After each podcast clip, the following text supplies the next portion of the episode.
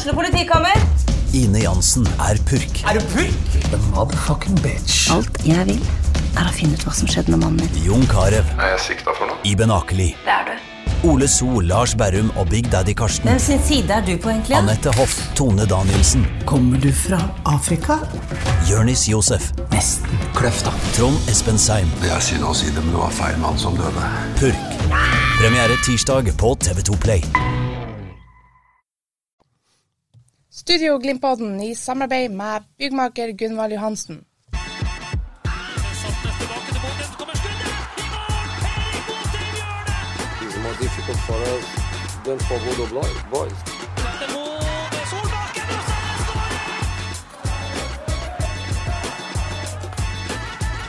Let's enjoy it. Let's play. Folk trodde kanskje at vi i Studio Glimt kom til å ta ferie, nå som det ikke er kamper å snakke om, men der tok de feil. I denne utgaven av podkasten vår har vi fått besøk av en relativt profilert representant for Glimt-supporterne, nemlig Ravna, eller Markus Ravn, som egentlig navnet er. da. Velkommen skal du være. Tusen hjertelig. Veldig hyggelig å være her. Flott. Og vi har også med oss Glimt-eksperten over alle Glimt-eksperter, Freddy Thoresen. Velkommen til deg òg. Tusen takk, eh, Børre. Og jeg heter Børre Arntzen, og ved siden av en god prat om og med Glimt-supportere, skal vi i dag også litt innom skjer det noe på Aspmyra, sykestua i Glimt, Ola Solbakken, og bitte litt om Lech Poznan. Dere vet det laget Glimt skal møte i Europacupen i februar. Og så skal vi kanskje snakke litt, litt grann om VM i Qatar og muligens Bitte litt helt på slutten må vi innom. Studio Glimpodden i samarbeid med byggmaker Gunvald Johansen. It's more difficult for us than for Bodo boys. Først i dag litt om eh, supporterne til, eh, til Glimt. Og eh, Ravna, hvor lenge har du vært engasjert Glimt-supporter? Eh, min første kamp var i 93, når vi slo Lyn 8-0. Da ble jeg tatt med på kamp, og da ble jeg frelst. Det er ikke rart. Nei, det var en fantastisk Det var kamp. litt av en kamp. Det var litt av en kamp. Så jeg holdt med deg siden da, og så har jeg jo bodd vekke fra Bodø i 16 år, så jeg har ikke fått fulgt Glimt like bra som jeg har gjort de siste året. Eller halvannet året. Men du var eh, Men eh, den, eh, jeg, måtte komme hjem til Bodø etter 2020-sesongen. ja. Så begynte jeg å søke etter jobber i Bodø. Så Glimt var egentlig eh, bakgrunnen for at du valgte å flytte? Det var en stor del av det. En stor del av det, i alle Mm. Ja. Eh, Men da har jo du vært med noen år som supporter, og vært Mm. engasjert i, i, eh, i supportermiljøet. Du skal, kan du beskrive utviklinga de siste årene når det gjelder engasjementet blant akkurat supporterne?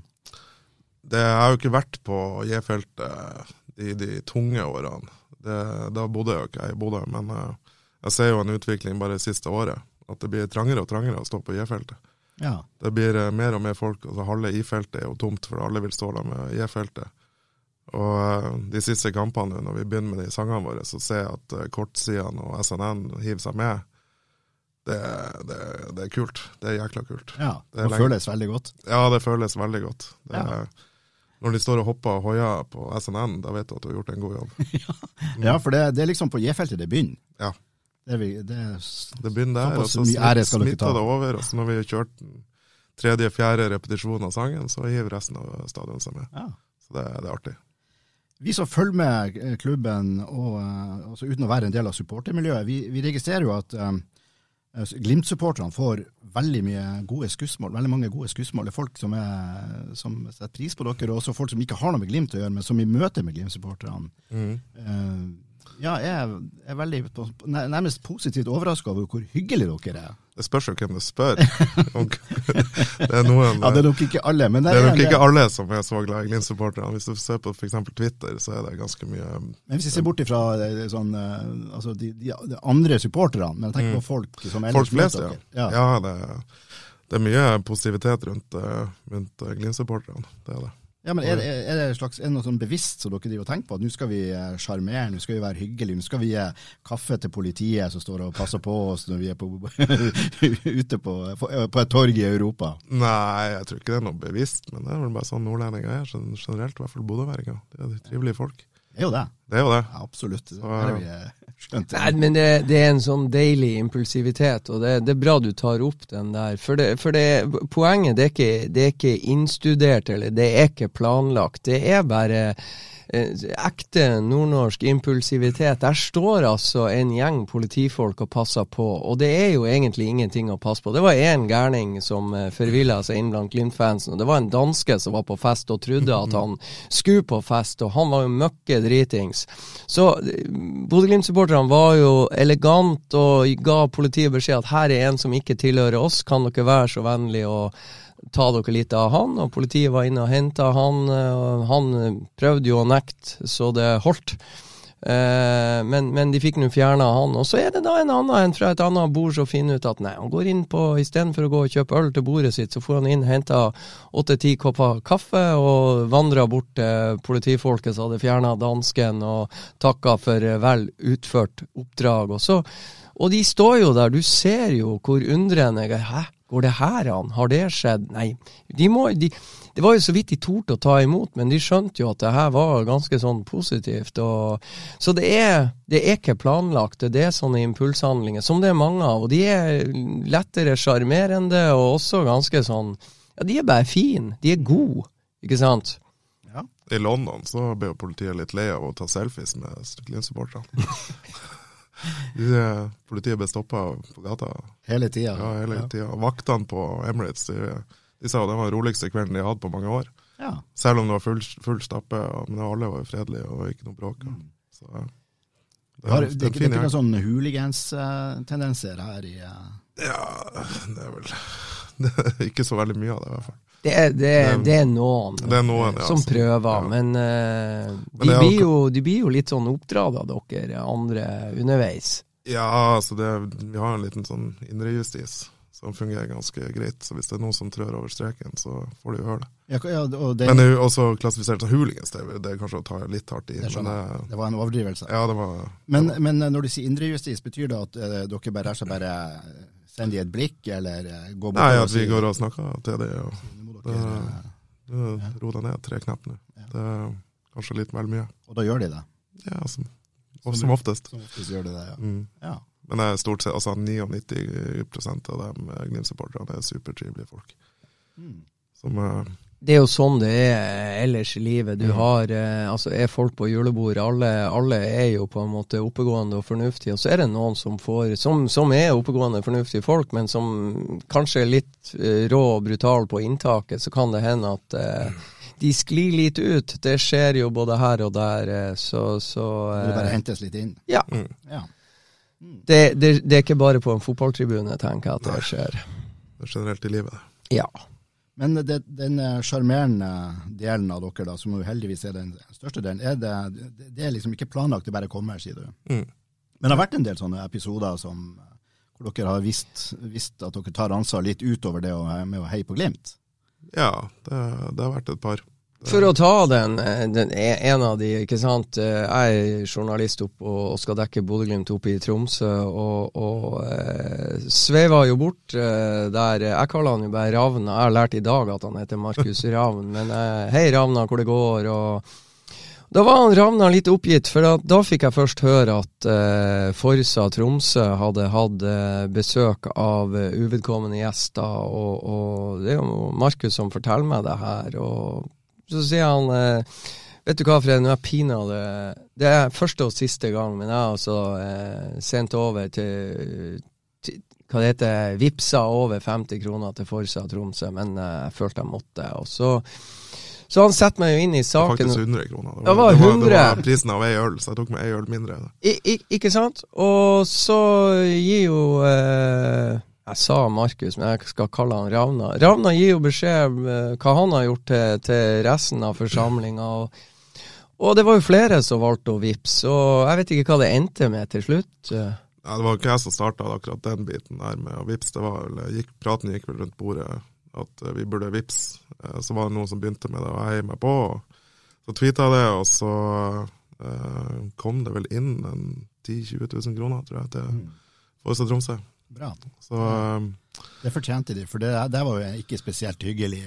Nei. Det var, det var, det var en liten skivebom, det. Ja. Det var det.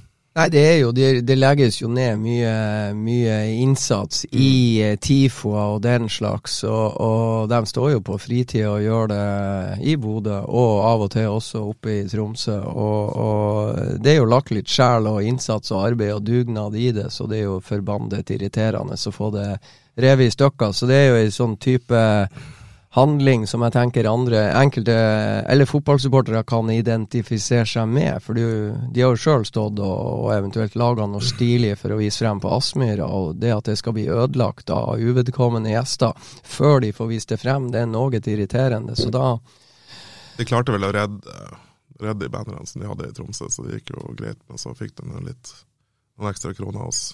Ja. Og det var jo ikke bare Glimt-supportere som vippsa heller, det var jo hele Fotball-Norge. Ja, akkurat. Så eh, det var ikke men, bare men, men, det ble initiativet kom fra, ja. fra Glimt-folk, og det, det andre seg på. Og så har jeg jo fått frastjålet bandet sjøl i Drammen i 2020, som vi sto og jobba med i ti timer dagen før. Det var surt. Det var ikke noen Vipps-aksjon da? Nei, det var ikke, det var ikke, det, var ikke det. Men en banner i 2020, og da, eh, det var vel en kamp dere så fra utsida av ja. Eh, stadion? Vi satt, uh, satt, på en parkeringsplass utenfor stadion og så kampen på en iPad. og Så hengte vi opp bannere på et, uh, på et gjerde uh, med togstasjonen ved stadion. Så mens, uh, mens, kampen pågikk, da, så kom det et par luringer og stjal bannere. Sånn er det. Sånn er det. Tøffe tak. Tøffe tak. Det var surt. Hvordan, eh, altså Nå er det jo veldig stort engasjement, og det, heldigvis det blir jo bare mer og mer. og Dere er så ute og både å reise og på Aspmyra ser jo nye fjes nærmest fra kamp til kamp. Mm. Eh, hvordan tror du det her kommer til å se ut eh, etter en sesong eller to uten denne voldsomme sportslige fremgangen som vi har hatt gleden av med Glimt de siste årene? Jeg tror nok det, det kommer nok til å minske litt hvis vi ikke har den sportslige sesongen vi har nå, men jeg håper nå at mange av de som har vært på Aspmyra i år og sett at det er artig å være på kamp selv om vi taper. Vi har jo tapt et par kamper.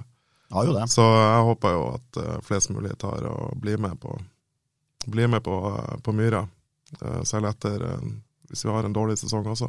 Mm. Og Det tror jeg også at jeg tror det er mange som, som verdsetter å se fotball live på stadion. Og, ja. og bli med på det livet. For det, det, er jo ikke bare fotballen som er, som er, som er artig med å være på stadion, det er jo det samholdet som er på, på J-feltet. Ja, og så ser vi jo ei Det har jo vært ei rivende utvikling, bare.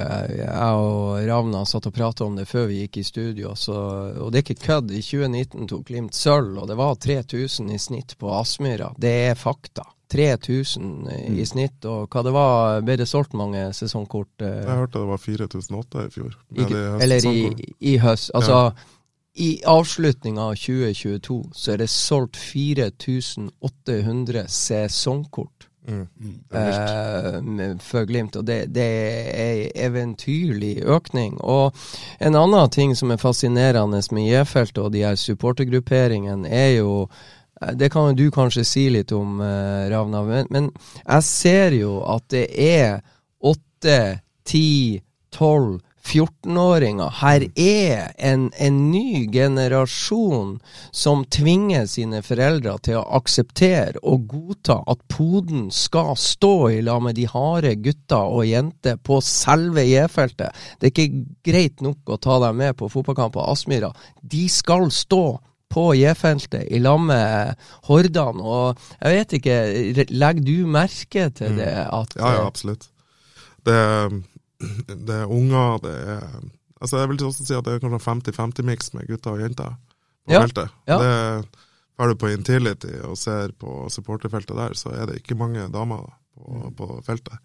Så det, det, er kjempetrivelig å være der. altså. Jeg syns jo det er artig. altså Tidligere Glimt-spiller André Hansen, som bor i Drammen, har to sønner og, og, André var nå ikke sånn i si tid når, når han eh, Han kom jo tilbake til Bodø etter oppholdet sitt i Nederland og, og håpa å få kontrakt med Bodø-Glimt. Og, og, så endte det opp med at det ikke ble kontrakt, og han, han dro da til Drammen og Strømsgodset. Og var ikke sånn superfornøyd sånn med avskjeden som, som det ble i helgult. Og så flytta han sørover, og så får han altså to sønner som vokser opp. Og så begynner den her oppturen til Bodø-Glimt å, å, skje, og de her sønnene eh, blir stadig mer interessert i de helgule oppi Og de spiller, jeg mener han ene spiller for Strømsgodset sjøl, men er die hard Glimt-supporter. Og denne sesongen så må altså pappa André ta guttene med seg opp til Bodø.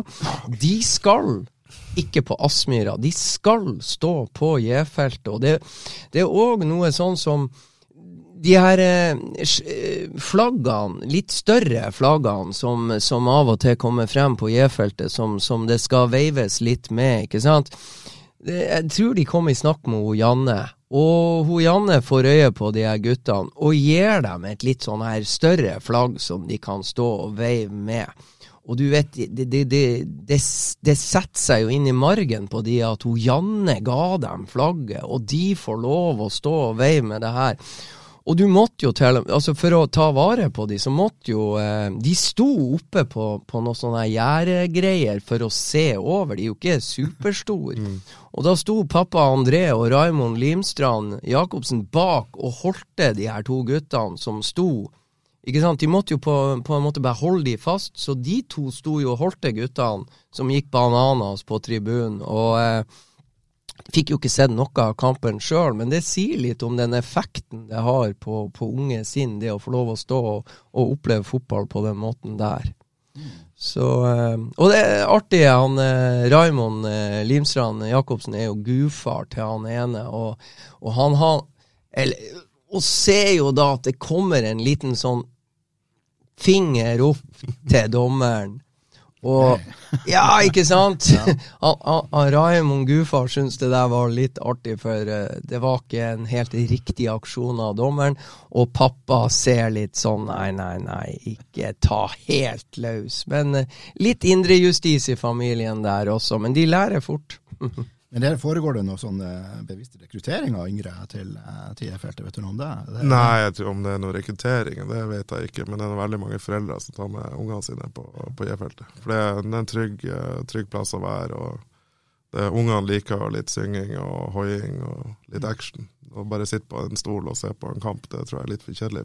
Jeg har hørt folk som sier at de har vært på Aspmyra mange mange ganger, og når de, først når de dro på J-feltet, at de følte at de virkelig var på en fotballkamp. At ja. de, de, de ville egentlig ikke tilbake til sin, egentlige, til sin egentlige plass. Og det er noe, det er noe absolutt noe bra. Ja, altså, og, det, og det, det, er så jeg, altså, jeg vet ikke hvor vi skal begynne å la oss fascinere. Jeg har vært så heldig å reise rundt på jobb og, og dekke Bodø-Glimt i Zagreb og i Zürich og til og med i Ukraina. Og takker jeg mye feil, så var jo selveste Ravna også i Ukraina. Dere var kanskje en 20-25 stykk som uh, som dro til kamp. Og det er jo nå begynner jo å nærme seg ett år siden vi var der, og det er jo helt uvirkelig å tenke på at vi har vært i Zaporizjzja og sett fotballkamp med Bodø-Glimt, og nå er Zaporizjzja altså flyplassen er sønderbomba, og, og, og, byen, og ikke minst atomkraftverket som ligger som er den store snakkisen, mm. Eh, det, det, det, er jo rett utafor byen, og, og, vi lurte jo på om vi skulle dra på sånn her eh, utflukt bare for å se på, på det der når vi var der. og Nei, så det, det er veldig spesielt. Men, men, det jeg skulle frem til, er de mengdene som er i Zürich, i uh, Alkmaar, i Eindhoven, ikke minst i London. At det er 3000-5000 i London, det er jo kanskje ikke så overraskende. For at, uh, for at um, alle vet jo at norske supportere har et spesielt forhold til engelsk fotball og har hatt det over tid. Men at det er 1000, 1100, 1200 tilskuere i Drammen i kamp nummer 56 for året og heier på Bodø-Glimt. Og de er tre ganger så mange som Godseunion, som også er en ganske imponerende gruppering, som står der og jobber og jager på et lag som egentlig ikke har gitt dem noen oppturer denne sesongen. Kanskje eneste oppturen var at de kom til Bodø og, spilte uavgjort 2-2.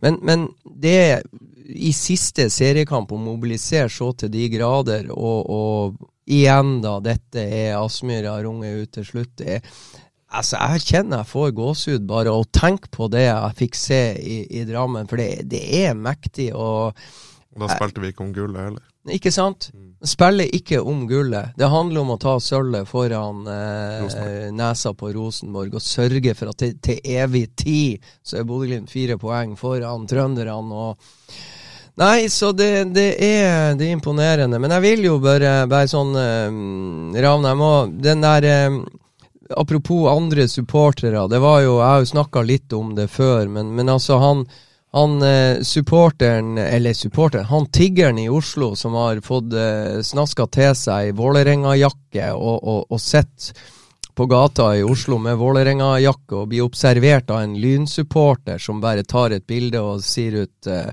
sier at det er, det her er ikke innafor for han, så Nei, han, han uh, Jeg kan jo fortelle historien. Ja, gjør det. Han, uh, det var en lynsupporter som tok et bilde av en uteligger. og så skrev han bare, la han ut en tweet av det bildet med bare uteliggere, med et tydelig stikk da mot at Vålerenga-fansen Altså det, det er liksom klassenivået som Vålerenga-fansen ligger på. Mm. Uh, så det var jo en Når jeg så den, så fikk jeg det var en vond bismak i kjeften av hvordan du behandler vanlige folk, altså medmennesker som sitter på gata og prøver å tjene til livets opphold. Uh, så uh, jeg så på det bildet, og så så jeg at det var en uh, vips nummer der på bildet. så jeg tweeta bare ut at Uh, oppfordrer alle til å kunne gi en liten slant til han karen her, for han, uh, det er ikke sånn Supporter-Norge uh, skal oppføre seg. Og da balla det jo på seg, fryktelig. Så jeg vippsa en femtelapp, og så oppfordra andre til å vippse det de kunne. Og så vidt jeg vet, så fikk vi vel inn en 10 20 30 000 til, å, mm. Til familien der. Og det var jo det, Pengene gikk vel til dattera til han som satt der. Uh, og det var vel noe dødsfall i familien, og de måtte vel dekke noen kostnader til en begravelse, og litt sånn, så det hjalp jo veldig på. Mm. Og han som satt på gata der, han fikk vel noe sesongkort og noe effekter av han nei, sport, nei, markedssjefen i Vålerenga, Meran. Så det ble en veldig fin greie til slutt. Flott, da. Mm. Og så, og så, var det jo ei, ei lita avis i, i eh, Oslo som jeg, jeg, tror ikke det var Avisa Oslo, men ei anna, ja. anna avis i, i, Oslo som fikk snusen i det her på Twitter, og som valgte å kontakte eh, denne uteliggeren, ikke sant. Og da fikk journalisten gravd frem litt effekten av det som eh, Ravna valgte å gjøre. Og det er jo da Du ble vel også spurt om du kunne stille opp i mm. etterkant og takka høflig nei til det, for uh, han ville, um, Ravna ville at det, det er uteliggeren og hans familie som på en måte skulle være hovedpersoner i den storyen der. og og så var det vel ei, ei datter som eh, ikke sant, Den Vipps-kontoen var jo til, til ei datter som sitter et annet, helt annet sted, ikke sant, og plutselig så ble det voldsom aktivitet på en konto som det hadde vært relativt rolig på, så hun skjønte jo ingen verdens ting. Så, så det bare forteller effekten av hva ei lita handling, ei impulshandling av medmenneskelig art, kan på en måte ende opp i. Mm. Så uh, Veldig mange av supporterne i Norge, ikke bare i Glimt, men menn i Norge er, har jo vist at de har et, uh, et ganske stort hjerte for, mm. for, for andre. For, altså det er jo som, ikke så beinhardt som man skulle tro, egentlig. Det er jo en, ja, det er veldig mange rause og fine folk i Fotball-Norge. Altså. Ja. Og det er veldig godt å høre at vi har uh, veldig mange av de også i uh, blant glimt Ja, så kan vi jo ta og, og også bare du, du, nevnte markedssjefen til Vålerenga. Vi hadde jo en episode hvor en Glimt-supporter uh, blir antasta av Vålerenga-fans i forbindelse med en kamp på Aspmyra, mm. hvor de røkker av skjerfet og setter fyr på det osv. osv. Og, og det Vålerenga som klubb velger å gjøre i etterkant av det, er jo det er jo å invitere familien, altså gutten med sin far, eh, ned til Oslo på ei, på ei, hel, eh, på ei langhelg, ikke sant, med gratis mm. opphold, gratis fly og, og Vålerenga-effekter og, og, hedersplass på Intility. Og app Attpåtil fikk de se Bodø-Glimt vinne 6-0. Så veldig fint også Vålerenga, måten de tar tak i en litt negativ incident med sine egne supportere, og så rydder de opp på det viset der. Det, det forteller litt. Det er fotball, etter min vurdering, på sitt aller, aller beste. Skikkelig feel good, ja. Mm. rett og slett. Um, uh, Avisa Nordland og NRK Nordland kåra jo årets uh, nordlending. Mm. Og der er jo dere uh, nominert. Altså ikke, du som person, men, men J-feltet og, og, Glis, og egentlig mm. hele, hele supportermiljøet rundt, rundt Glimt. Mm. Hvordan, hva du tenker om å bli, eller være være nominert til det. Hvordan, det, hvordan føles det å være blant de aktuelle? Ja? Nå skal ikke jeg snakke på vegne av men- eller Glis, men som, som en supporter så Ja. er det veldig trivelig å, å, å, å få litt anerkjennelse for uh, alle de kronene vi har brukt på innsatsen vi har lagt ned med, med, med laget, da, som vi elsker. Så det er jo kjempetrivelig. Jeg håper de vinner. Virkelig. Kommer dere til å organisere en slags eh, kampanje her nå for å eh, få mange til å gå inn og stemme på dere, eller? Nei, det vet jeg ikke. det, nei, det tror jeg ikke. Men jeg vet nå at eh, det, det kommer mye, mye bra fra supportermiljøet den neste, neste tida. Jeg vet at Glimt i Steigen skal lage julelåt, blant annet. Så det kommer, og, det kommer mye bra. Du teaser du mye, Mm. så nå nå er det om å følge med. Ja, ja, nå må dere følge med på Twitter, for neste uke kan komme interessant. Ja, men Det er jo steike mye humor, og, og, og eh, jeg holdt på å si eh, Ravna, du må jo fortelle Altså, du var ikke i Glasgow for å ta en av årets mest legendariske kamper. Vi jo nesten glemt det, men altså, Bodø-Glimt reiste ned til, til Glasgow i Skottland. Jeg var livredd for den kampen. Jeg var så livredd at jeg torde ikke å reise, for jeg hadde jo fått med meg førsteomgangen til Celtic mot Glasgow Rangers, som etter å ligge under 0-3 til pause mot Celtic reise og møte Dortmund på bortebane og vinne. Ikke sant? Hvordan i alle dager skulle det gå etter Glimt med tre ukers treningsleir i, i Og de var ikke i sesong engang. Nei, ikke var de i sesong, og så drar de til, til Skottland og vinner 3-1, og Runar Espejord skårer etter 6-7 minutter. Hva du gjorde da, Ravna? Nei, altså før, før, før kampen så gikk jeg litt bredalt ut på Twitter, og så skrev jeg at hvis han Espejord ble matchvinner, så skulle jeg gå til frisøren dagen etterpå og be om en Espejord.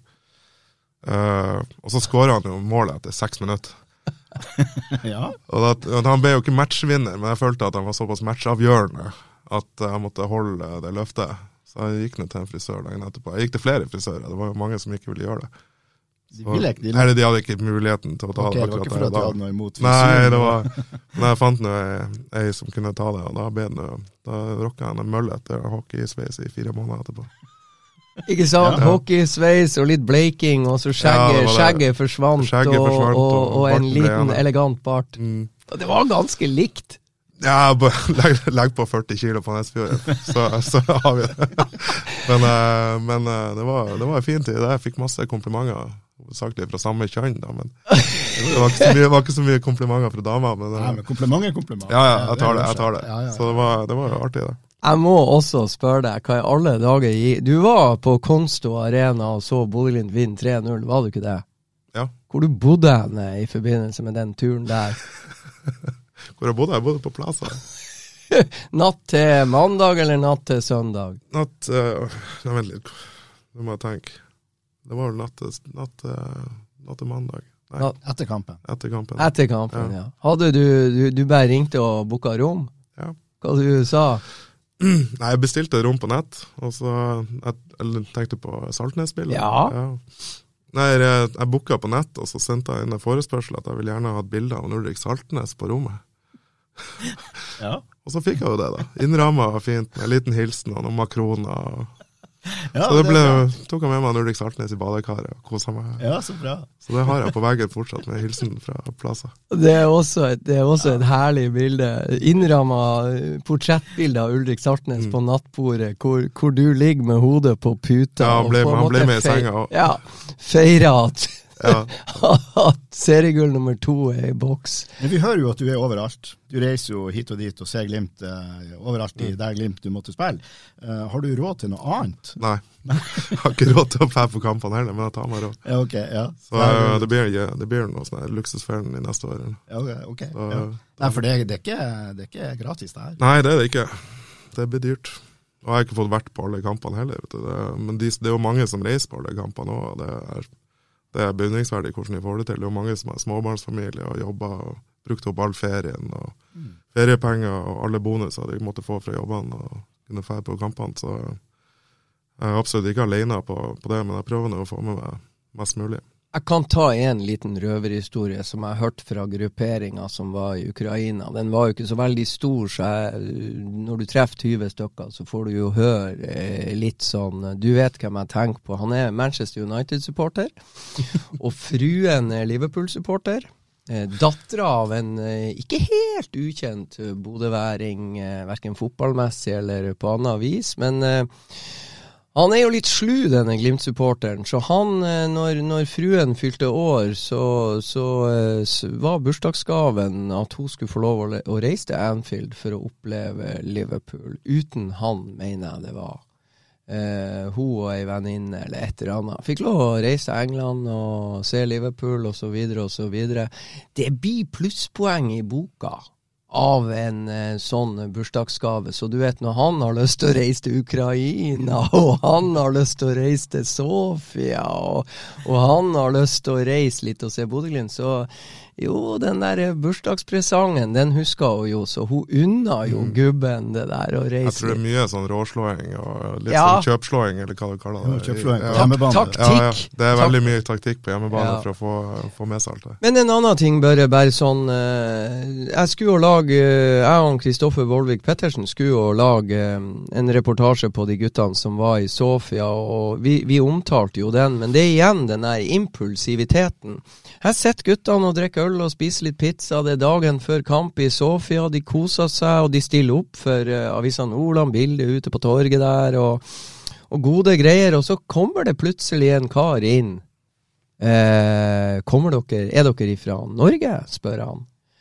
Eh, ja, han snakka jo helt norsk, men det viser seg å være en bulgarer som, som jo eh, hadde studert i Norge for 20 år siden, og endelig Og det var for å lære språket. Og ikke hadde han fått seg jobb som tolk eller noen ting som helst. Og, og, men etter 20 år så kunne han faktisk eh, bruke kunnskapen sin, at han hadde lært seg norsk, med å begynne å konversere med disse supporterne fra Bodø som var for å se Bodø-Glimt slå CSKA Sofia. Kampen endte for øvrig 0-0. Men så spør jo en av de guttene om han hadde tenkt seg på kamp. Han var jo da Levski eh. Nei, han eh, sier at han var arbeidsledig og hadde ikke råd. Billettene var så dyr. Og jeg ser jo på han, eh, bulgareren, når han forteller akkurat det der der. Og så ser jeg i sidesyn to av de her Glimt-supporterne begynner da å gå inn på telefonen sin idet setninga til bulgareren er ferdig. Så eh, går det et minutt eller to, og så han ene som satt med telefonen, sier bare 'Jeg har kjøpt billett til deg, du blir med oss på kamp'. Og han tror jo ikke det han hører, denne bulgareren. Og han fikk jo ikke bare være med eh, Glimt-supporterne på kamp, han fikk jo være med Glimt-supporterne ut på puber i, i eh, Bulgaria og så litt mesterligafotball og drakk øl på deres regning. Og tror du ikke dagen etterpå, så står han i front. Det, er bilder av NTB med Jeg husker han ikke navnet på han, men han står der i lag med guttene og, og eh, hadde vel på seg gul jakke, tror jeg, i anledninga. Så det, igjen, der har du en sånn der eh, impulsiv, eh, trivelig handling av en eh, åtte, ti, tolv eh, bodøværinger som er på tur i Sofia. De tar med seg Levski Sofia-supporteren, som ikke har råd å gå og se CSKA Sofia tape mot en norsk motstander. Men eh, en opp opplevelse for livet for han, tror nå jeg. Det var, var vel også noe i Vilnius etter kampen der. Det var noen som ropte etter eh, noen Glimt-effekter, og så var det noen som donerte skjerfet sitt og, til en fyr. Han lyste jo opp som eh, unge på, på julaften.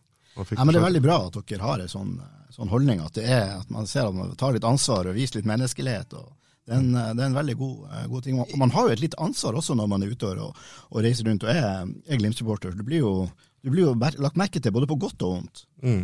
Ja, og så er det det som, det som imponerer meg så veldig, for, for det, var, det var hvor kjapt Jeg rakk egentlig ikke å høre hva han sa før eh, to av guttene sitter, og, og, og begge to impulsivt går inn og skal kjøpe billett, og så, så oppdager de hverandre. Og så uten at noe blir sagt, så avtaler de hvem av de to som skal kjøpe billett til, til denne bulgareren. Så det, det, det, no, det, gikk så kjapt, vet du. Så det var sånn, hva, hva gjorde dere nå? Mm. Så eh, nei, veldig imponerende, altså. Og det var jo i, i Ukraina òg, så var det jo den uh, infamøse Uber-turen. Ja. Det, var, det var en gjeng som måtte ta en Uber fra Kiev til Zaporizjzja. Fire stykk som reiste hver for seg. Missa flyet. Missa kom- flyet nedover Uh, og spleisa på han Uber.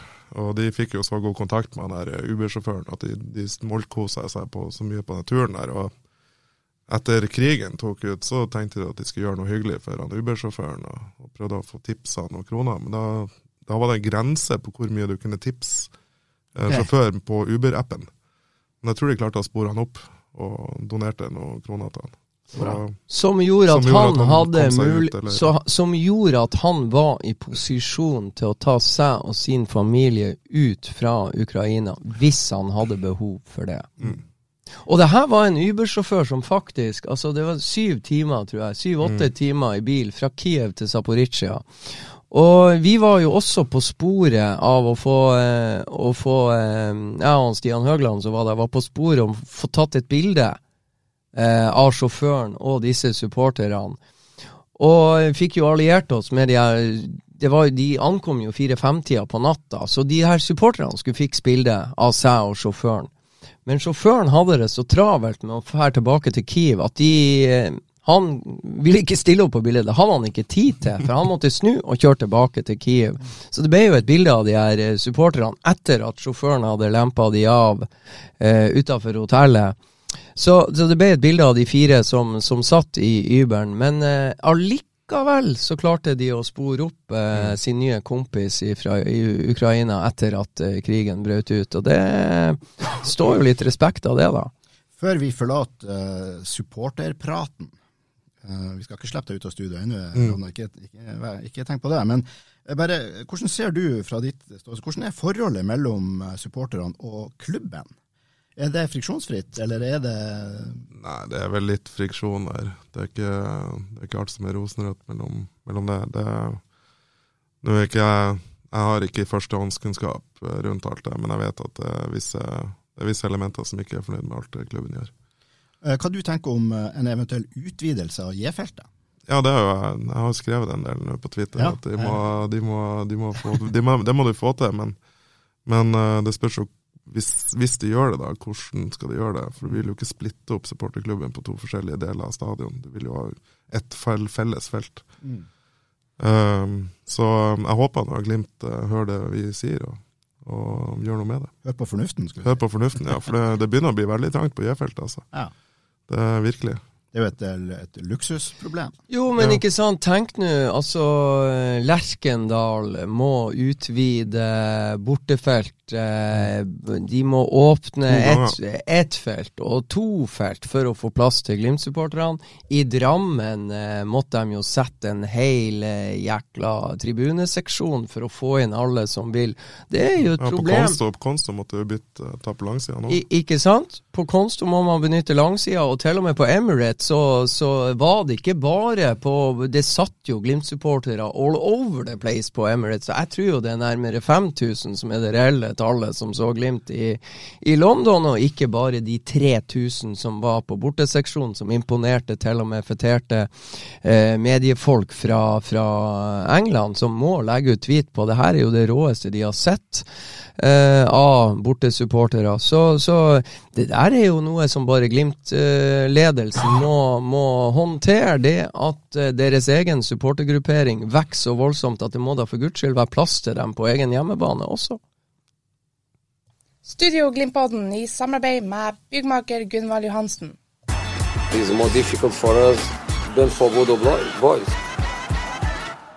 Glimt-spillerne og folk i apparatet rundt har fått en velfortjent ferie nå, og for de fleste varer vel en til tirsdag 3. januar, sånn cirka.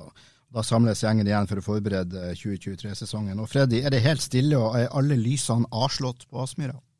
Nei, jeg tror ikke lysene er avslått på eh, Aspmyra. Jeg tror det jobbes knallhardt. Eh, jeg tror eh, dialogen mellom Håvard Sakariassen, Kjetil Knutsen og trenerteamet er kontinuerlig pågående, og det er jo hvilken keeper skal de hente, hvilken sideback ikke får de akseptert bud på. Drømmer du nå, eller? Hvilken, er det, er det, nei, det, det her er, er høyeste grad reelt. Og jeg tror, eh, jeg tror at uh, Jim Solbakken har vært i Bodø. Det er jo da agenten til, til um, Hugo Vetlesen. Det går rykter om at Jim Solbakken har vært i Bodø ganske nylig og vært i samtaler med Glimt sportslige apparat. og det kan jo uh, gå på uh, veien videre og veien opp og frem til Hugo Vetlesen. Skal han forlenge kontrakten med Bodø-Glimt? Hva tenker de? hva blir situasjonen med Marius Høybråten osv. Så, videre, og så, så det jobbes. Og så tror jeg at det er Altså, det kan, eh, det kan eksplodere i minute, altså en spiller inn, eh, og, og, og Glimt jobber eh, på høygir. For uh, Håvard Sakariassen har ikke tatt ferie, for å si det sånn. Det kan hende det er mørkt på Aspmyra, men ikke la dere lure. Da sitter Håvard Sakariassen hjemme på sitt hjemmekontor og fyrer opp telefonen og jobber for at ting skal skje. Og får Håvard Sakariassen ting til å skje, så må Niklas Aune Johnsen dra på Aspmyra, slå på lyset og invitere media til å fortelle gode nyheter. Så nei, jeg tror det er mye på gang, og jeg skulle gjerne ønska jeg visste litt mer på hvor langt de er kommet i forbindelse med han eller han eller han. Men jeg tror de jobber på bred front, for å være helt ærlig. Ravna, hvem du drømmer om? August Mikkelsen. August Mikkelsen. Mm. Ja. Og Fredrik André. Og Fredrik André. Få han tilbake. Få han tilbake. Ja.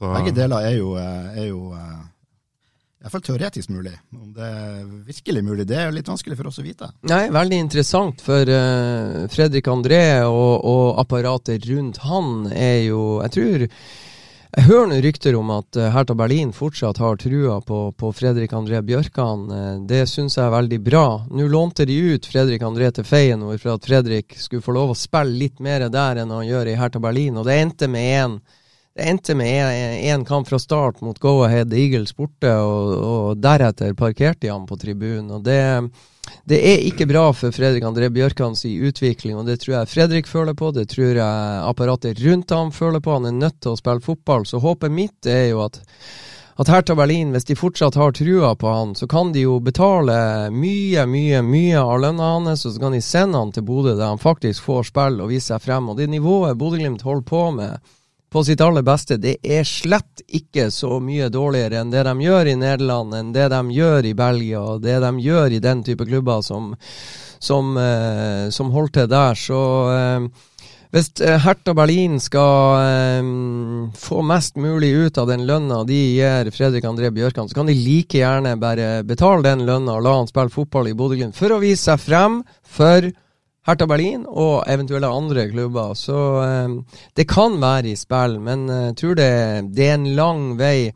Altså Hvis alle fotballedere hadde vært like smart som eh, Ravna og meg i en sånn her sammenheng, så hadde de jo skjønt det. At eh, Send han til Bodø-Glimt, la han skinne, så økes verdien betraktelig inn mot 2024. Så det er jo lov å håpe. Til å ha spilt såpass lite fotball som han har, så gjorde jo han en god figur, vil jeg si, når han spilte A-landskamp her i forrige uke. Det er akkurat det, som er poenget. Og ja. tenk på for en god figur han kunne gjort på A-landslaget hvis han hadde fått lov å spille litt mer fotball i Hertha Berlin og Feyenoord enn han får lov å gjøre. Og jeg tror at det går an å inngå en deal med treneren til Bodø-Glimt som heter Kjetil Knutsen, at han kan få lov å spille venstreback hver kamp. Tro hvor god han da kan bli. Og, og, det her, det her eh, jeg, jeg, håper jo òg at også Jeg vet ikke hvor realistisk det er. Altså, lønna er høy, men, men uh, jeg tror jo uh, Altså, det er ekstremt viktig. Neste klubb Altså, hvor Fredrik André eventuelt skal lånes ut, tror jeg er ekstremt viktig. Og du har ingen garantier i fotball. Du har ikke det. Men jeg håper også at de som står Fredrik André Bjørkan nærmest, ikke ikke ser det som en så sinnssyk nedtur å få han tilbake til Bodø-Glimt. Patrick Berg er en oppegående mann. Han kommer tilbake til Bodø-Glimt. Ja, rett inn på landslaget. Rett inn på landslaget og starte de her to siste kampene. Så det Nja Dette ser jo Fredrik André. Og han snakka jo helt sikkert med Patrick. Jo, men folk er forskjellige. Mm. Eh, for Patrick var det ikke så, så voldsomt såra stolthet og den nedturen å komme tilbake til en klubb som spiller i Europa League og Conference League. Altså, mm. så, så um, hvis, du, hvis du spiller Rune Robertsen i Tromsø, så har vi nok penger til å betale lønna, full lønn til han Fredrik André òg. Ja. ja da. Rune, Rune har bare én feil, og det er at uh, Og dårlig i matte?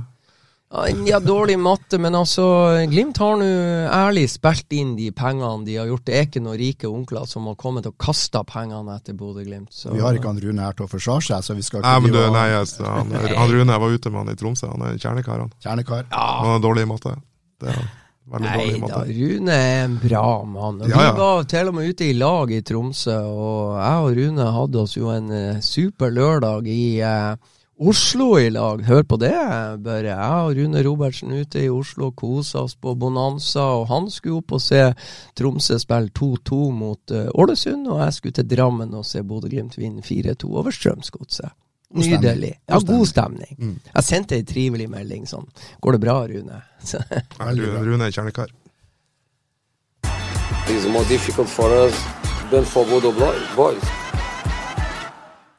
Så, Freddy, har jeg lyst på en liten sånn eh, skade, syke, stueoversikt. Ja, jeg var Jeg er jo en raring. Jeg skulle, fruen skulle her en morgen og, og, og, og hjelpe sin kjære far på flyplassen i Bodø. og jeg, De måtte inn og ordne det der. Han er jo over 80 år, Bodø-Glimt-supporter fra Brønnøysund, tidligere fotballspiller og gode greier. Så fruen måtte hjelpe han, og så tenkte jeg ok, jeg, istedenfor å fære og parkere sånn ved posten og vente til hun var klar, kjørte jeg på Aspmyra. Sto jeg der, og så tok jeg noen telefoner, og så noterte jeg litt, og så Klokka begynte å nærme seg ni, og så kommer det en bil og parkerer ved sida av meg. Hvem er det jeg ser tusle ut av bilen med mappa si han skal inn og tenke? Jo, Brede Mo! Brede Mo! Og så tenker jeg med meg, så har ikke Kjetil Knutsen gitt beskjed om at eh, hei gutta, dere skal ha to uker ferie? Pålagt ferie.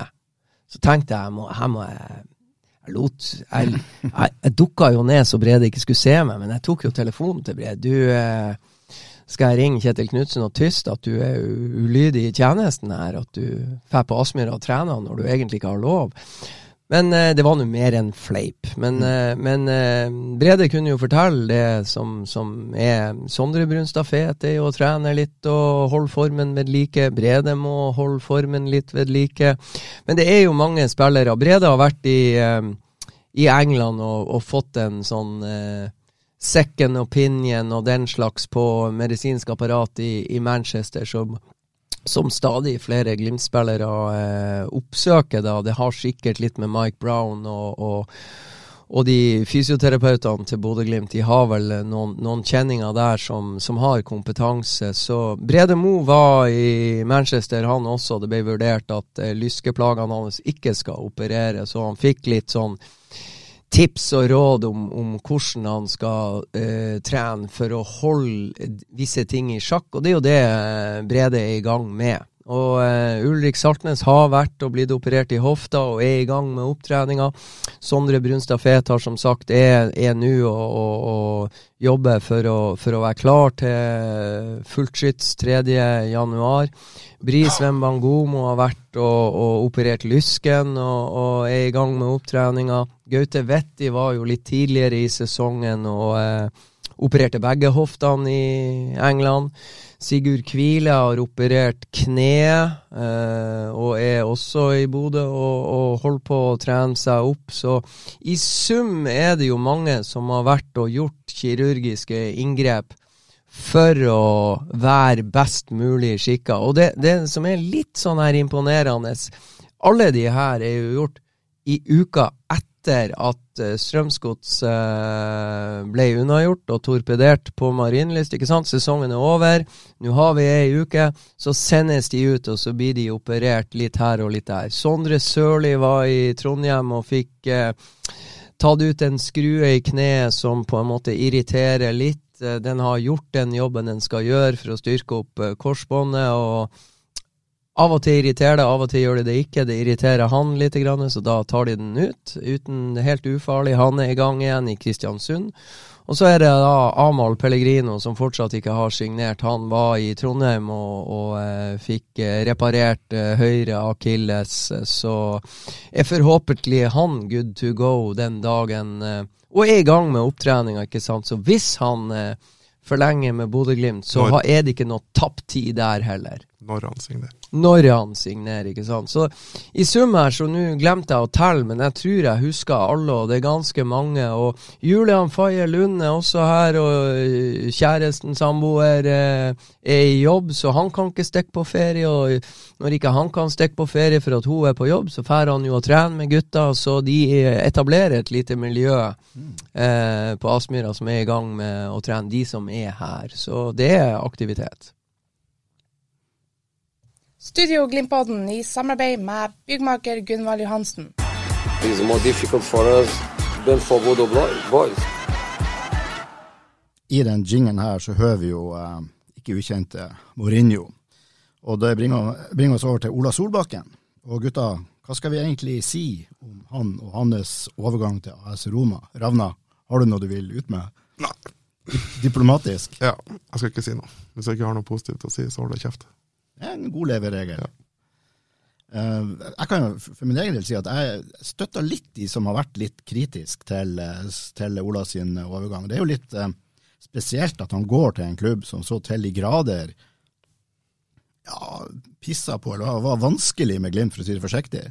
Og så går han bare rett til den samme klubben og skal være med, trene med de samme folkene som, som, uh, som gjorde alt dette styret. Jeg, jeg, jeg, jeg, har ikke helt sans for det, men uh, samtidig så er jo uh, fotballverdenen er jo, er jo knallhard. Det her handler jo helt sikkert mer om penger enn om akkurat det, selv om Ola Solbakken først og fremst snakker om det sportslige der, så er jeg jo bra sikker på at det, det er andre ting også. Jeg vet ikke, Fredrik, hvor du står? Nei, um, jeg var jo litt der jeg sensa dere er. Der har jeg i grunnen vært hele veien. Og så, så tok jeg en telefon til Brede Mo, som sagt. Jeg stilte flere spørsmål når jeg ringte han for å høre hva er, hva er konseptet her med at du drar og møter opp på Aspmyra på trening når treneren har sagt at dere skal ta det med ro.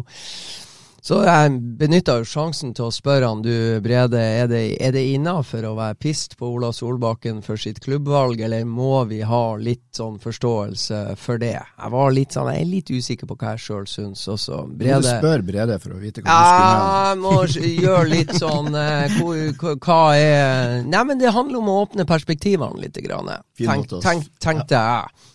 Og Brede sier nei, Freddy, det her må vi bare ha forståelse for. Det, vi kan være irritert på, på AS, AS, Roma så mye vi vil, og alt det der, der om Mourinho kjøre. Nei, men det er en stor klubb. Det er det er en mulighet du som fotballspiller ikke kan si nei til. Så, så Brede, full støtte til, til, Ola Solbakken. Og så tenkte jeg ja, han viser jo litt perspektiver og raushet, Brede der, så da tenker jeg da kan jeg, da kan jeg også gjøre det. Eh, for, fordi at Ola Solbakken var inne på det sjøl når jeg fikk prate med han eh, veldig seint eh, på et hotellrom ved Schiphol etter at han hadde signert. Og det Roma var tidlig ute og tilkjennega at de, de, vil ha han. Og det er klart, jeg vet ikke Hvor mange var det? Var det 70, er det 70 000 den stadion tar? Og, ja, 60 000-70 000. Ja, og, og, det var ei voldsom mobilisering når, når eh, Roma vant 4-0 over Bodø-Glimt. Eh,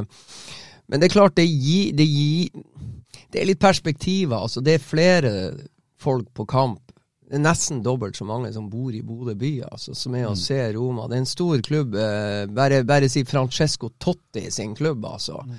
Det er jo en vi kan være litt glad i. Men det, det er noe med fansen og opplevelsen og størrelsen og dimensjoner og lønn og, og, og, og så um, Ola sa det ville vært den der incidenten uh, foruten. Um, men han ville ikke si noe Så ville han ikke si noe, noe, noe, noe men særlig mer. Jeg skal være litt raus med Ola, for det som jeg virkelig håper nå, det, det, er noe greit at han er ferdig til å Jeg har fortsatt en litt dårlig smak i munnen av det, men det jeg virkelig også håper nå, det er at han kan lykkes. Når nå er jeg så lei av Glimt-spillere mm. som, som fær fra Bodø og Glimt, og så bare blir de benkeslitere og hopper og spretter fra den ene klubben til den andre og ikke får noen ting til. Ja. Så det hadde vært litt gøy om han hadde kunnet visst eh, at det går faktisk an å gå fra Glimt til en storklubb å lykkes. Ja, det er det, og det er interessant. ikke sant? Jens Petter Hauge spiller steike godt mot AC Milan, og AC Milan henter Jens Petter Hauge kort tid etterpå. Nå er den andre Glimse Altså, Ola Solbakken herja mot Roma på Aspmyra. Han hadde ei hysterisk skåring eh, da Roma skulle hevne seg og slite seg til 2-2 på hjemmebane. Et Glimt-lag uten Patrick Berg, ikke sant? Eh, og det var flere som ikke var med i den kampen der. Um, 2-2, hysterisk skåring. Han skåra tre mål mot Roma, og der og da Roma la jo merke til han i sin egen kampanalyse. De så jo Glimt fem, fem siste kampene til Glimt før møtene med Roma. Sett Roma analyserer Bodø-Glimt. Det forteller jo litt om at de tok Glimt på alvor, og at de har god kontroll på det de holder på med, men de fant jo en del ting med Ola Solbakken allerede da som de, som de ble nysgjerrig på. Og det er klart, når det går inn for Ola Solbakken, eh, det er at de har sett han 20 ganger, de har møtt han x antall ganger, og det, det er klart, du kommer ifra lille Melhus. Når du kommer fra lille Melhus til store Bodø og eksploderer i full blomst, så er det da at når, når den eksplosjonen her også oppdages i hovedstaden i Italia, så, så blir du jo mo i knærne og frista til å hoppe på et eventyr. Han har signert en fire og et halvt årskontrakt, og jeg er helt enig med deg. Jeg håper Roma har sett ting i sine egne analyser av Ola Solbakken som gjør at de er villige til å gi han tid, og at de er villige til å la han utvikle seg i eh, sitt bilde, og at han blir en suksess. Ingenting hadde vært artigere. For vi trenger en Glimt-spiller som reiser ut i den store verden. Aller helst en norsk Glimt-spiller som reiser ut i den store verden og lykkes. For det er en helt annen hverdag. Og for å ta en for å ta og illustrere litt den hverdagen Altså, nå tror jeg Altså, Rick Karstorp, en, en nederlender som, som, imponerte meg på sidebekken eh, til Roma i alle kamper Jeg syns han var ganske god. Spesielt i de to kampene i Italia. Han eh, gjorde en litt sånn dårlig defensiv jobb eh, i en eller annen kamp nå. Og eh, José Mourinho går ut og, på pressekonferansen etter kampen oppsummerer at 15 av spillerne som var involvert i denne kampen, gjorde en god jobb. Det var én av de 15 Eller én av de 16 som totalt ble brukt, som ikke var i nærheten, og det kommer han til å få merke. Blir bare fjerna, er borte, ute. Altså kontrakten terminert fordi at han angivelig gjorde en dårlig defensiv jobb eh, som irriterte José Mourinho. Høres ut som en ganske primitiv eh, ledelse. Ja, ikke sant? Der, Men det er hverdagen. Det er en del av hverdagen. Og så, så vet man Det er sikkert noe bakenforliggende her som Ja, absolutt. Men, men um, det er, en rå, det er en rå og brutal hverdag som er helt annerledes enn en den de opplever i samholdet, som er da styrken i en norsk klubb, og styrken i garderoben på Aspmyra. Det er en helt annen hverdag. Og jeg har sagt det før. Sorry, Børre. Altså, Philip Sinkernagel blir kjøpt av Olympiakos. Eh, spiller tre, seks kamper i, i Champions League-kvalifisering. De går ikke videre over det siste hinderet. Og treneren som kjøper Philip Sinkernagel, får fyken. Og så henter de en, en spanjol som uh, trente Huddersfield. Et Huddersfield-lag som tapte kvalik om opprykk til Premier League mot Philip Sinkernagel og Nottingham Forest. Og når han eh, spanske treneren ser Philip Sinkernagel, så sier han bare i, i Olympiakos det har ikke jeg behov for i det hele tatt. Og det her er under nærmest to måneder etter at uh, Philip signerte for klubben, og nå er han på lån i Standard Liège. Det er jo helt sykt ute i den store verden. It's more difficult for us than for Bodo Boys. I dag er det nøyaktig 83 dager til 16.2.2023, og da kommer Lech Poznan på besøk. Der er én spiller fra den polske klubben som er med i VM, og det er han uh, Mikael Skåra. Så jeg vet ikke om dere har hørt om han? Aldri hørt om. Jeg har sett navnet, Børre, at uh, det var én fra Lech Poznan i uh, polske, polske VM-troppen, og så eh, sa jeg Børre, har du sett det samme som meg? Ja, det hadde du. Du kan heldigvis navnet. Jeg kan heldigvis. Det, det som er, det, altså det, det er tre i den troppen på 5-26 som, som, spiller i Polen. Og han er en av de. Han er han er 22 år, han gjør det kjempebra i, eh, i den hjemlige ligaen. Han har også gjort det bra i, eh, i eh, Conference League. Men han fikk jo ikke spille noen åpningskamp. Han er jo ikke, det er ikke noe sentral. Han er tydelig en, tydeligvis en spiller som skal være litt for, for fremtida. Men det skal bli veldig artig å få han på besøk på Aspmyra. Ja, det blir jo kjempeinteressant. Det er jo første kampen, og, og Glimt får Altså, første kampen av tellende karakter i 2023. En 2023-sesong som, som, vi alle sikkert er veldig, veldig spent på. Og eh, Glimt la jo standarden med å slå Celtic borte i første kamp i 2022. Jeg tror Glimt har et annet grunnlag til å være enda bedre i inngangen til 2023 enn de var i inngangen til 2022, for den var über spesiell.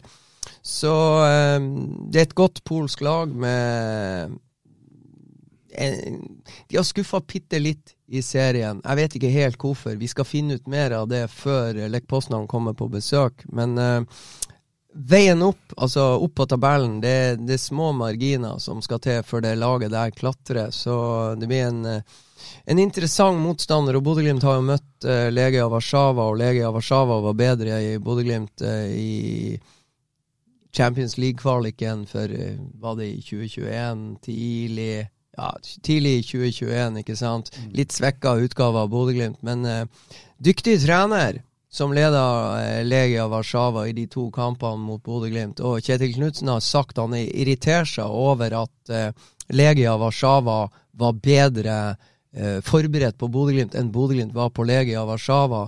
Og det er jo da den polske landslagstreneren som eh, er i VM nå i Qatar, som var sjef i Legia Warszawa da de møtte Bodø-Glimt. Så det forteller meg jo litt om kompetansen her mm. eh, på det som møter Bodø-Glimt. Men Bodø-Glimt lærte veldig mye av akkurat disse oppgjørene mot Legia Warszawa og er blitt mye bedre i sine egne forberedelser. Det er 83 dager sier jeg til, til hjemmekampen, og så er det jo da Hvor mange dager blir det til bortekampen? da? 80, 89, 89 dager, 6 timer og 17 minutter. har du bestilt? Jeg har bestilt, så det blir, eh, det blir en tur til Poznan, og så blir det hjem fra Berlin. Så forhåpentligvis får vi en Hertha Berlin-kamp på lørdagen. På vei hjem. På vei hjem. Er dere mange som mobiliserer til bortekampen? Går det noe riktig? Nå har ikke jeg noe tall på det, men jeg vet i hvert fall at eh, SAS-prisene SAS dobla seg på et døgn.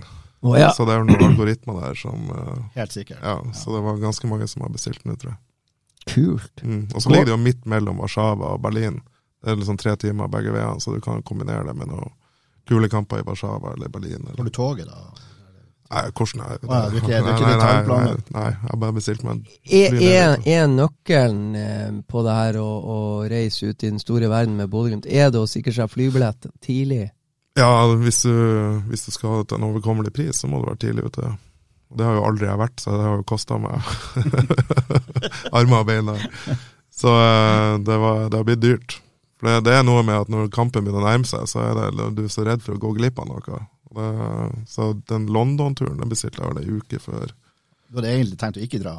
Nei, ja, det, jeg har alltid tenkt å dra, men jeg hadde ikke penger. Ikke penger så, ja. så, jeg solgte jo bilen min for å få meg penger. Så jeg tjente akkurat nok til en enveisbillett til London, og den kjøpte jeg. Ja, det er en ganske gammel bil, da. Nei, det var ganske ny. Det var en okay. Tesla. Ja vel. Ja, så, men jeg hadde ikke bruk for den i jobben lenger, så okay. jeg solgte den. Ja, Men da måtte du jo kunne gi deg penger til flere turer, da? Nei, det var, jeg tjente ikke så mye på den. det, var, okay. det var en som uh, eh, forhandla i Mo i Rana, som ga okay, så han, uh, han, var god til å forhandle, så jeg fikk ikke så mye igjen for den. da. Men vi har nevnt uh, den polske VM-troppen og Mikael Skåra, som da ikke har uh, fått spilt noe. Der ennå. nå er de kamp igjen i, i morgen. Det er mot Saudi-Arabia. Kanskje vi får se han da, hvem som vet. Vi skal i hvert fall følge litt med. Men det er en del andre interessante Ja, det er en Jeg vet ikke, Ravna. Du, du ser ikke så mye fotball-VM. Nei. Fortell litt, bare helt kort, hvorfor.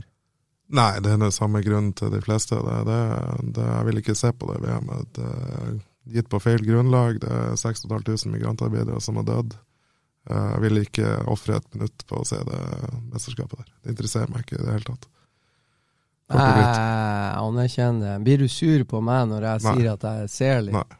Ganske Nei, altså, mye. Hvis folk, folk, som er fotballinteressert som vil se på det, det må de gjerne gjøre. Men det er bare ikke min kopp te. Jeg prøver å unngå det på samme måte som, som Ja, men, eh, men jeg, jeg, forstår og så er jeg så, så steike nysgjerrig at jeg skal innrømme det at jeg, jeg ser ganske mye. Men jeg syns det er veldig lærerikt, og jeg får litt sånne her perspektiver. Ikke minst det, der å sitte og se live det tyskerne gjør, eh, det tyske landslaget, ikke sant. Eh, Fifa og Infantino, det, altså, det irriterer feber på meg. Hele konstant. Nesten så jeg ikke klarer å si det navnet. men jeg blir- fascinert når jeg ser at for Thomas Müller uh, bare De holder for munnen. Det, det, det er sånn Uh, det, det setter tankene mine i sving der og da, når jeg oppfatter det der. Men så er det en annen ting som Ja, vi må som- ha en glimtvinkel på det her. ja, og det, den eh, syns jeg er interessant. For vi har jo eh, Bare for å ta perspektivene av det vi har opplevd med, med, med Bodø-Glimt de siste årene. og det, det er greit å smake litt på det, men altså, det fascinerer meg når jeg ser Nederland slite med å skåre mål mot Senegal. og Det er en tett og det er en jevn kamp. Og så, ti minutter før slutt, så det en lang, hengslete, eh, solid spiss opp og header Nederland i ledelsen 1-0 på fotballens mektigste scene. Det må vi bare erkjenne at fotball-VM er. Hele verdens, altså hele verden følger med. Og, og det er Cody Gapko som eh, vi så eh, PSV Eindhoven slite som fy på hjemmebane mot Bodø-Glimt etter at Albert Grønbæk har skåret et kunstverk av en skåring og gitt Bodø-Glimt ledelsen 1-0. Akkurat i det, altså et minutt senere, så kommer det ut eh, til hele verden at dronningmora i England eh, har gått bort. Ikke sant? I, antageligvis i sjokk for den flotte skåringa til Albert Grønbæk. Men, men altså Cody Gapko utligna, og til hysterisk jubel for PSV-fansen, så er det altså Cody Gapko som, som gir Nederland ledelsen 1-0 mot Senegal i VM. Og eh, Saka for Arsenal eh, senker Bodø-Glimt på Aspmyra, og Saka for Arsenal skårer for England i første kamp eh, i VM. Det var vel Iran de møtte. For øvrig en annen, altså det med Iran, å se Irans landslag stå under nasjonalsangen og holde helt kjeft for å markere sin vrede mot styret i sitt eget hjemland, hvor eh, det er ganske vanskelig for kvinnelige fotballsupportere å få lov å se fotball. Det Skal sies at i dag så, så sang de det var, Iran har spilt en kamp eh, i dag, og da sang de, og det spekuleres i om de har blitt pressa til det. Ikke sant? Det var vel en uh, spiller på landslaget som ble fengsla og arrestert nå. Ja, en, en, en, en veldig kjent fotballprofil som ikke er tatt ut på landslaget, er arrestert i, eh, i Iran fordi at han hadde uttrykt, uttrykt sympati antageligvis for det landslagsspillerne gjorde.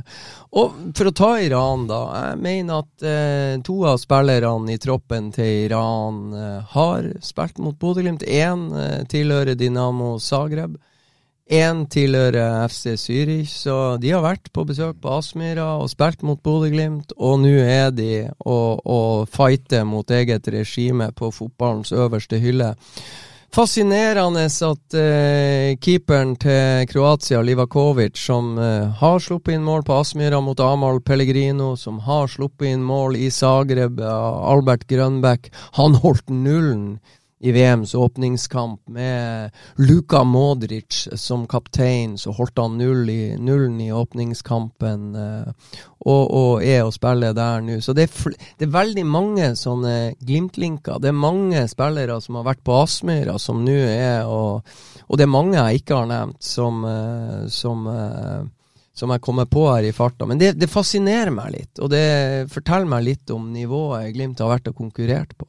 Forteller oss ganske mye om for ei tid vi lever i som Glimt-engasjerte folk. Ja. Og som du sier, nå kommer det et lag, og, og det er en polakk som enda ikke har fått vist seg frem, som eh, kanskje skal knebles. Og apropos eh, Kroatia, nå kommer jeg på Juranovic, eh, sidebacken til, til Kroatia, som spilte hele kampen mot Marokko, var det vel. Han var med, han var frekk nok å slå Bodø-Glimt to ganger med Legia Warszawa. Så gikk han til Celtic, og da tapte han to ganger. Og nå er han fortsatt i startelveren til Kroatia etter å bli rundspilt av Runar Espejord og hans venner i Bodø. Nei, det er fascinerende. Det er fascinerende. Ok, det var det vi hadde på programmet i denne utgaven av Studio Glimt-podden. Tusen takk til deg, Ravna. Takk. Og takk til deg også, Fredrik Thoresen. Og jeg, Bør Arntzen, takker spesielt til alle dere som hører på oss. Ha det fint.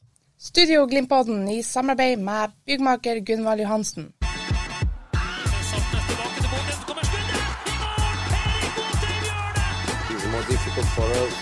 del favor do Boys.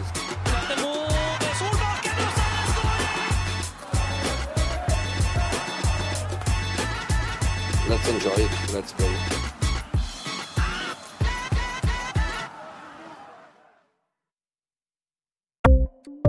Ukens annonsør er HelloFresh.